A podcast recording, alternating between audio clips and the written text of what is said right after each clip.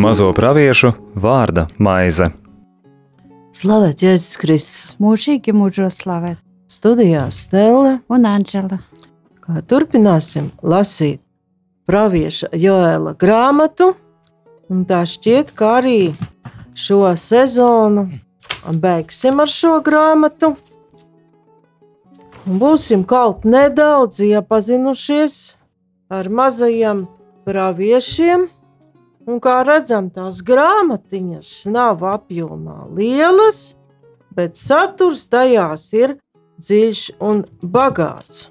Kā šodien turpināsim lasīt pravieša Joēla otro nodaļu, varbūt pat līdz trešajai tiksim, un šeit jāatceras, ka starp latviešu tulkojumu un tulkojumu krievu valodā nodaļu skaits atšķirās. Lielajā Bībelē, Briseles tulkojumā, krievu valodā Joela grāmatai ir trīs nodaļas, bet latviešu tulkojumā ir četras. Bet tam nav būtiska nozīme, jo tas saturu un tā bagātības neietekmē. Un ko tad mēs varam tagad jau redzēt otrās, grām, otrās nodaļas noslēguma posmā.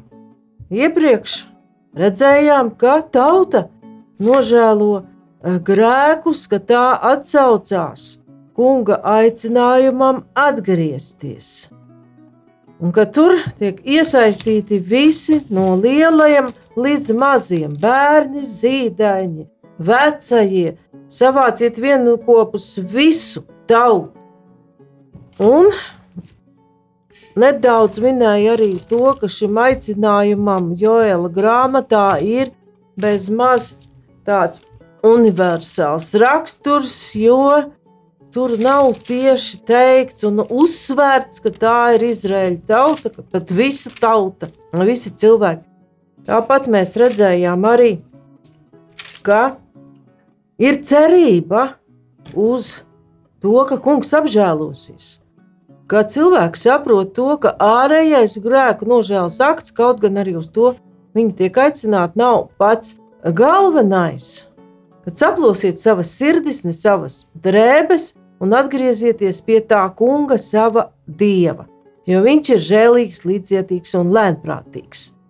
Bet no 18. panta otrajā nodaļā mēs lasām par to, kas notiek, ja cilvēki veic šo savas nostājas maiņu, ja viņi atgriežas pie Dieva. Un jau no 18. panta mēs varam lasīt, kā Dievs atbild savai tautai, kura atkal ir pavērsusi savu vaigu uz viņa pusi, tad mainījusi šo sirds nostāju. Un ko tad mēs ieraugām? 18. pants. Tad tas kungs stingrā apņēmībā iestājās par savu zemi un pasargāja no iznīcības savu tautu.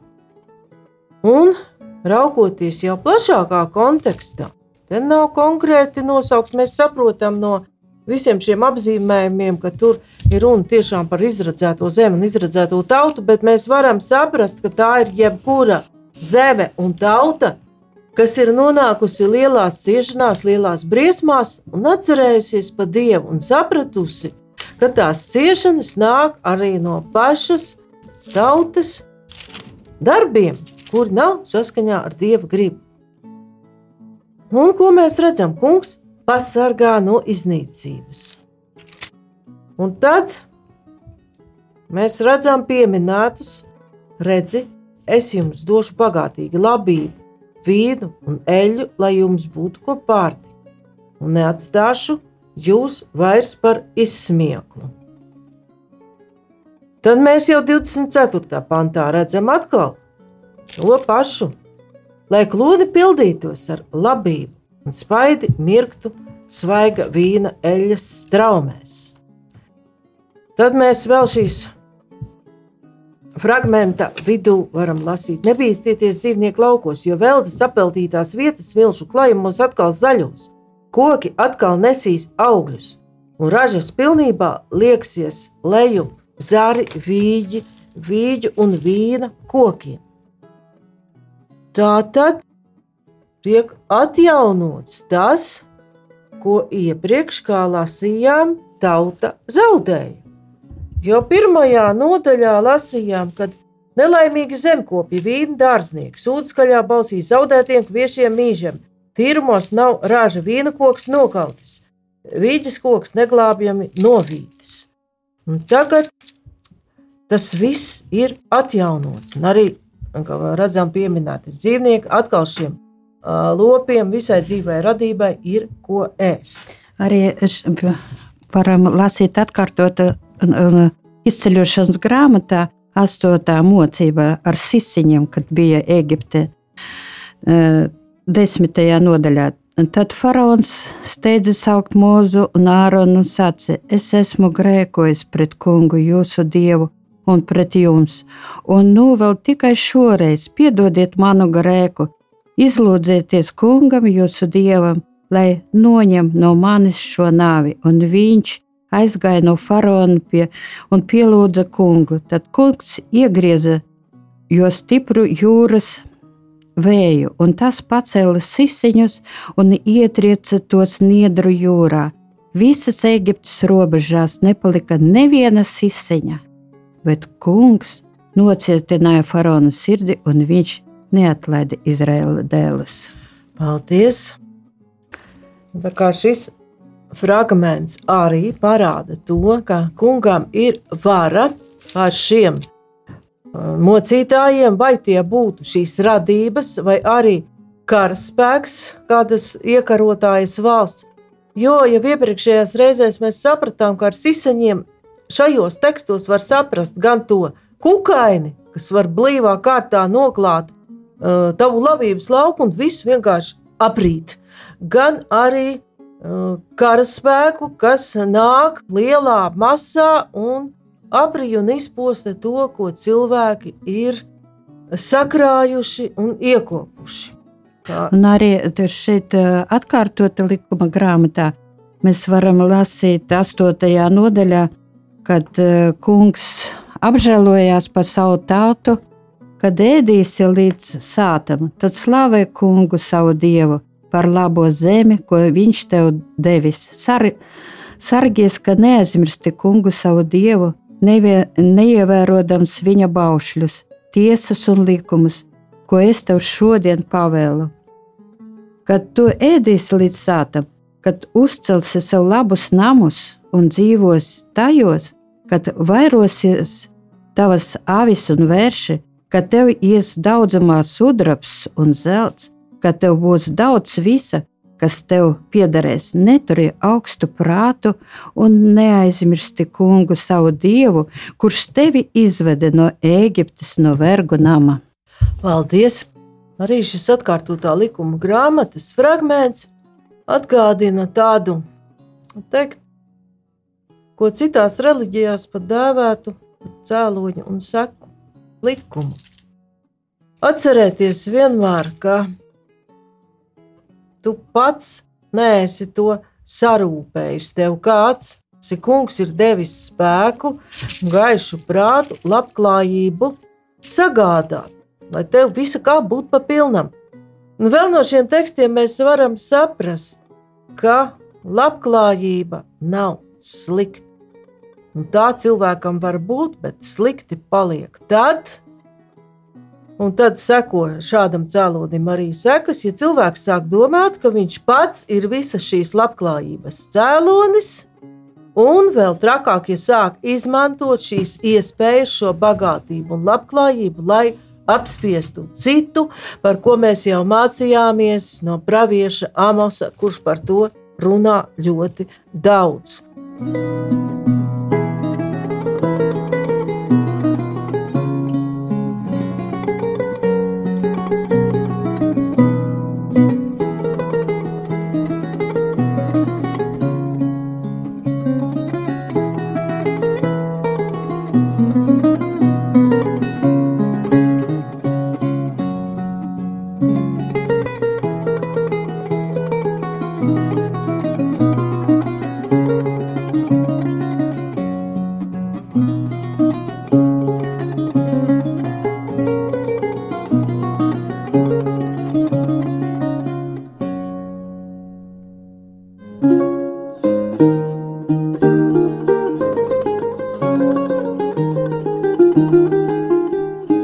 Studijā Stela un Anģela. Un nu, vēl no pravieša iesaka grāmatas, jā. Labi. jā. 45. Tagad, Tad ko, viņš ko saka viņš saka par šo lietu. Par kungu mūsu dievu viņš saka, ka Dievs saka, es darinu gaismu un radu tumsu, es dodu mieru un radu ļa ļaunu. Es esmu kungs, kas to visu dara. Paldies! Un te ir tā, ka varētu mēs mazliet uzsēsties uz vārdiem, radu ļaunu, tur tiešām tā rakstīts. Nu, diemžēl. nu, diemžēl tas iespējams, ka ir ļoti neveiksmīgs tulkojums, jo tad mums vajadzētu skatīties to jau ebreju valodā, bet saprast mēs varam tā, ka Dievs pieļauj, ka šis ļaunums ir, jo cilvēks pats ir izvēlējies pretstāvēt. Tāpat tās kā. Joela grāmatā, Jā, ko mēs tagad pilnīgi lasām. jā. pareizi. Jo šie noteikumi, kāpēc tur arī ir tas vēlais un agrais lietus, tātad šeit ir runāts, ka Dievs atkal dos šos priekšnoteikumus, lai būtu cilvēkam labklājība. Un tā kā te nav, ka tā labklājība krīt no gaisa, klēpī pati pa sevi, nē, tas vēlais un agrais lietus, tie ir šie svētā zemes laika apstākļi, kuri ļauj cilvēkam savu roku darbu izaudzēt ražu un to ievākt. Šoreiz mēs šos uh, fragmentus tieši nelasīsim, bet es atgādināšu, ka Levītu grāmatas 26. nodaļā ir tie svētības un lāsta vārdi, kur Dievs mums kā tādiem maziem bērniem atgādina šos noteikumus. Ka, ja tu turēsi manus baušļus un manas tiesas, tev būs tas lietus, tev būs raža, tev būs labklājība. Bet, ja tu neturēsi kunga baušļus un tiesas, tad tev būs tie siseņi, tas bats un tie iekarotāji. Kā Dievs ļoti skaidri paskaidro savus noteikumus. Šajā dieva atbildē ir tāds arī liels apsolījums un arī teikums, kas paskaidro arī Anģelas lasītos fragmentus un vēlreiz apliecina, ka Dievs ir noteicis par to visu, kas notiek. 25. pants. Es jums griezīšu par labu visus tos gadus, kuros jūsu ražu postīs izseņi, viņu cirmeņi, pabols un kukaiņi, dažādi grauzēji. Mans lielais karaspēks, ko es pret jums sūtīju. Tā tad varam saprast, ka tas siseņu un dažādu kukaiņu posts varēja būt ilgstošs. Tā kā tagad mēs jau pasaulē redzam, dažādas dabas katastrofas ir jau ilgstoši. Ilgstoši sezonāli deg meži, izdeg labības lauki, daba uzvedas jau mums nesaprotam. Tagad jau palēnām no militārajiem analītiķiem dzirdām, ka arī karš Ukrainā var kļūt ilgstošs. Bet Joēla grāmata mums pasaka priekšā, kā ir iespējams šo situāciju izbeigt. Jo arī jau iepriekš esam runājuši, ka arī kari ceļas no atkāpšanās no kunga, kad viena tauta sāk iekārot otras vietu, otras labklājību un nevar likties mierā ar to, kas tai ir. Un arī Joela eh, 25. pantā, 2. nodaļā mēs lasām, es jums gandarīšu tos gadus, kad jūs ēda siseņa, sienāži, vaguļi un cirmeņi. Mans varenais karaspēks, ko biju jums uzsūtījis. Un šeit Zaharija grāmatā, desmitajā nodaļā lasām, es došu variņu spēku jūdas namam. Es glābšu Jāzepa namu, es tos atvedīšu atpakaļ, jo es viņus žēloju. Būs tā, it kā es tos nekad nebūtu atstūmis, jo es esmu kungs, viņu dievs. Es viņiem atbildēšu. Tiesa, tā kā šajā otrās nodaļas beigu fragmentā mēs redzam šo atbildi, ka tiek atjaunot šī labklājība, un 20. pants paskaidro arī, kā jūsu ienaidnieki to no ziemeļiem. Es aizdīšu tālu no jums projām un novirzīšu viņu sausā, tukšā zemē. Viņa priekšējos pulkus es iegāzīšu austrumu jūrā, viņa pakaļējos pulkus rietumu jūrā, lai viņi tur smakodami satrūd un sapūst jo šis ienaidnieks izdarījis daudz briesmu darbu.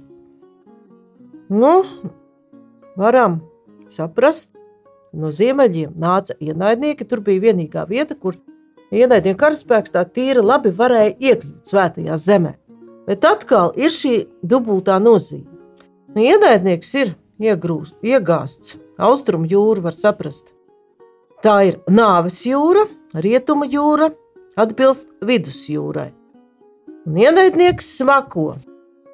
Arī dubulta nozīme, jo smakot var arī pretinieka kritušie līķi un arī beigtie siseņi, kā izrādās, tas atkal ir tāda entomoloģiska atkāpe, ka šie siseņi, kad viņi ir beigti, ļoti nepatīkami smird.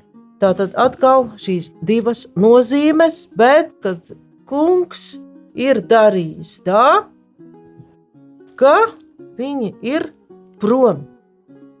Un kā šis 25. pants, kuru mēs abas no, nolasījām, un tulkojumi tiešām atšķirās nedaudz, kaut gan jēga tā pati, ka arī tas ir kunga karaspēks, viņa pedagoģija, ar kuru viņš grib cilvēku atkal pievērst sev. Tad mēs vēl redzam, ka te ir tā uzsvērtas tās lietas, šī pārtika, labību, vīnu un eļļu.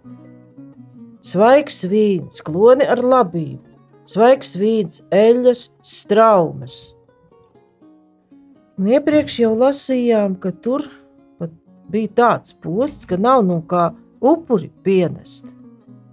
Kunga, tā tad labība, eļļa un vīns vēl kaut ko nozīmē, ka ir ne tikai ko ēst, bet ka ir arī atkal iespēja pienest upuri kungam. Un jaunās derības izpratnē mēs jau to saprotam tālāk. Labība, maize no kunga.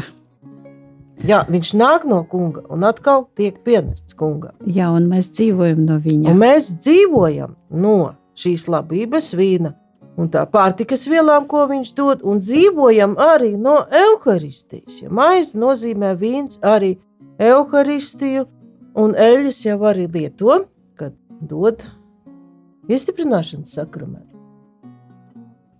Un var būt tāda situācija, arī jaunās derības laikā, mūsdienās, ka nav šīs matērijas, lai svinētu svēto misiju. Vēl var būt tā, ka pieeja misijai, arī garīgajai maizei, ir tik aprobežota no dažādām varām, ka nav šo garīdznieku, nav dievnama, kur saņemt dieva vārda maizi, kur saņemt evaharistiju, saņemt līdz ar to garīgo varību. Bet šeit mums attiecības ar Dievu tiek atjaunotas. Ja? Tiek atjaunotas attiecības ar kungu un līksmo un priecājies, jo kungs vara nedara. Un gal, Pāvila vēstule galotiešiem 4. nodaļā mēs varam lasīt. Taču debesu Jeruzaleme ir brīva, viņa ir mūsu māte, jo ir rakstīts: priecājies, neauglīgā, kas nesi dzemdējusi, ļauj vaļu gavilēm un sauc tu, kas nesi cietusi dzemdību sāpes, jo daudz bērnu ir vientuļējai vairāk nekā tai, kam ir vīrs. Bet jūs, brāļi, esat apsolījuma bērni, tāpat kā Īzaka. Paldies! Šeit šis Pāvila teksts paskaidro jau to tālāk, ka ir runa par jaunu debesu, jaunu zemi un Jeruzalemi. Tā kā Anģela jau vedina lasīt tālāk, Joēla grāmatu, bet otrā nodaļa tiek pabeigta tik tiešām ar attiecību atjaunošanu ar Dievu. Jo ko šī vārdi nozīmē? Te ir, lai jums būtu pa pilnam, ko ēst, un jūs teikt un slavēt tā kunga, jūsu dieva vārdu, kas brīnums darīs jūsu vidū, bet mana tauta nekad lai vairs nenokļūst kaunā. Un jums jāzina, ka es esmu Izrēla vidū, un ka es, tas kungs, esmu jūsu dievs un neviens cits, un ka manai tautai nekad nebūs kļūt kaunā. Tā ir Dieva un viņa tautas derības formula. Jā, un Pāvila otrajā vēstulē Thessalonikiešiem mēs varam lasīt otrajā nodaļā, bet mums bez mitas jāpateicas Dievam par jums, brāļi, ka esat kunga mīlēti, jo Dievs jūsu gara svētumā un patiesības mīlestība ir izvēlējies jūs par pestīšanas pirmaugļiem. Tādēļ viņš jūs ir aicinājis, lai ar mūsu evaņģēliju jūs kļūtu par ieguvumu mūsu Kunga Jēzus Kristus godībai.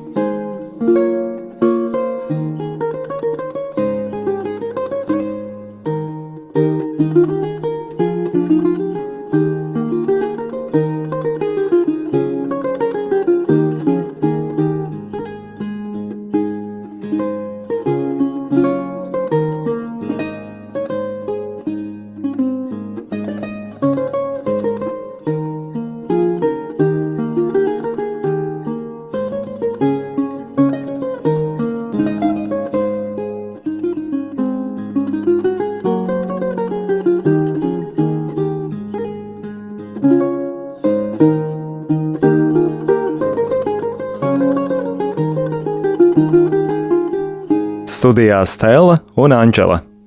Bet šeit ir runa pie Pāvila jau par cita līmeņa izredzēto tautu. Bet, ja mēs atgriežamies pie derības formulas, ka to mēs varam lasīt jau izceļošanas grāmatā 6, 7, un es ņemšu jūs sev par tautu un būšu jums par dievu. Un jūs zināsiet, ka es esmu jūsu dievs, tas kungs, kas jūs izvedis no Ēģiptes zemes, kas pilnībā piepildās jaunajā derībā. Tieši kā mēs to dzirdējām no Anģelas lasītā, un vēl mēs varam derības formulu redzēt arī skaitļu grāmatā un saprast šo svēto rakstu principu, kā atsevišķas svarīgas lietas tur atkārtojas nereizi vien. Kā skaitļu grāmata 14, 14. Tur bija gan cits teksts, es laikam to pat neatradu uzreiz, bet arī 14, 14 nozīmē ļoti ciešas dieva un viņa tautas attiecības. Un ir sacījuši šīs zemes iedzīvotājiem, tie ir dzirdējuši, ka tu, ak, kungs, esi starp šiem ļaudīm. Tātad te ir derības formula pagriezta tā, ka lai citi, arī pagānu tautas zina, ka starp dievu un viņa tautu ir šī derība. Tāpat kā jaunās derības laikā, Kristus sekotāji dzīvo citu tautu vidū. Ka tu, kungs, esi starp šiem ļaudīm, ka tu, kungs, esi acīm redzams, ka tu esi, kas stāvi pār tiem mākonī, un ka tu ej viņu priekšā mākoņa stabā dienā, bet uguns stabā naktī. Tā tad arī ir šī zīme, ka Dievs ir tautas vidū. Arī varam lasīt Pāvila vēstuli romiešiem. Desmitajā nodaļā, jo ik viens, kas piesauc kunga vārdu, tiks izglābts bet kā lai piesauc to, kuram nav sākuši ticēt, un kā lai tic tam, par kuru nav dzirdējuši, un kā lai dzird, ja neviens nesludina. Un šeit arī bija, ka mēs klausoties Dieva vārdu un piesaucot viņa vārdu, esam glābti un nekad nepaliksim kaunā, nemūžam. Tas ir uh, 27. pants Jā, Joela tas ir tā grāmatā. kā mm -hmm. paskaidro to jau vēl daudz plašāk, jau no jaunās darības skatu punkta. Jo tur ir šī vecās darības formula lietota, bet mēs jau caur apakstuļu Pāvila sacīto varam pāriet uz trešo nodaļu, kas jau ietiecās jaunajā darībā. Kad Joels pievēršas Jā, piektajā pantā te ir, Jā. un kas piesauc kunga vārdu, ja? izglābt sevi ik viens, kas piesaugs tā Jā. kunga vārdu. Un tur ir, kā redzam, jo Ciāns kā nav Jeruzalemē, būs glābšana, kā to tas kungs apsolīs arī visiem pārējiem, ko tas kungs būs aicinājis. Te ir minēti visi pārējie, ko kungs aicinājis, un ar Jeruzalemi tādā kontekstā jau mēs varam saprast, ka ne tikai to pilsētu Jeruzalemi, bet jau debesu Jeruzalemi, vai kur mēs lasām atklāsmes grāmatas, ja nekļūdos 21. nodaļā. Un kā tad tas viss sākās? Dieva gara apsolījums. Joels raksta, un tad notiks, ka es izliešu savu garu pār visu miesu, un jūsu dēli un jūsu meitas pasludinās nākamas lietas. Jūsu vecie redzēs atklāsmes sapņos, bet jaunie redzēs parādības. Arī pār kalpiem un kalponēm es izliešu tais dienās savu garu. Es parādīšu brīnuma zīmes pie debesīm, un virs zemes asini un uguni un dūmu mākoņus. Saule pārvērtīsies tumsībā, un mēnesis asinīs pirms nāks tā kunga lielā un briesmīgā diena. Tad šis trešās nodaļas ievads ir eskatoloģisks. Atkal ir šī tumsas un tiesas diena, bet ir šis ļoti cerīgais sākums un piektais pāns, kur jau minēja Anģela, ka tie, kas piesauc kunga vārdu, tiks izglābti. Un kad tas piepildās, kad eh, gars tiek izliets, un tur mēs redzam, kā viņš tiek izliets par visdažādākajiem cilvēkiem. Par to mēs varam lasīt apakstuļu darbos, otrajā nodaļā. Kad ir šis stāsts, kad vasaras svētku diena bija atnākusi, visi bija sapulcējušies vienā vietā. Tad ir vienprātība, cilvēki ir kopā.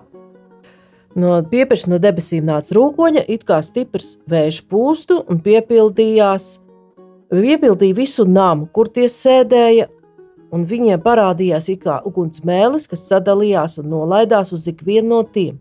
Un visi tika piepildīti ar svēto garu un sāka runāt citās mēlēs, kā gars tiem deva izrunāt.